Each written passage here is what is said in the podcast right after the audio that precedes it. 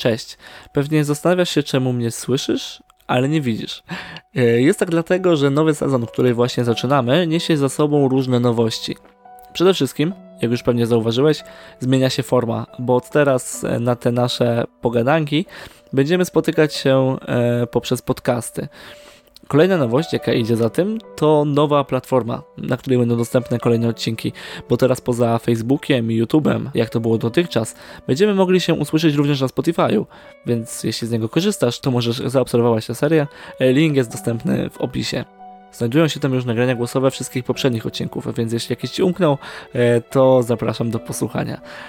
Jak zapowiadałem na początku poprzedniego sezonu, w dalszym ciągu będziemy próbowali omawiać sobie tematy wysłane przez Was, za które jeszcze raz oczywiście bardzo Wam dziękuję.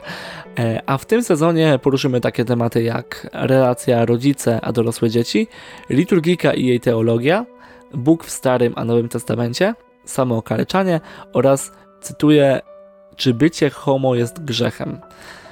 Jak widzisz, e, tematy są niełatwe, ale ufam, że uda nam się jakoś sensownie przez nie przejść.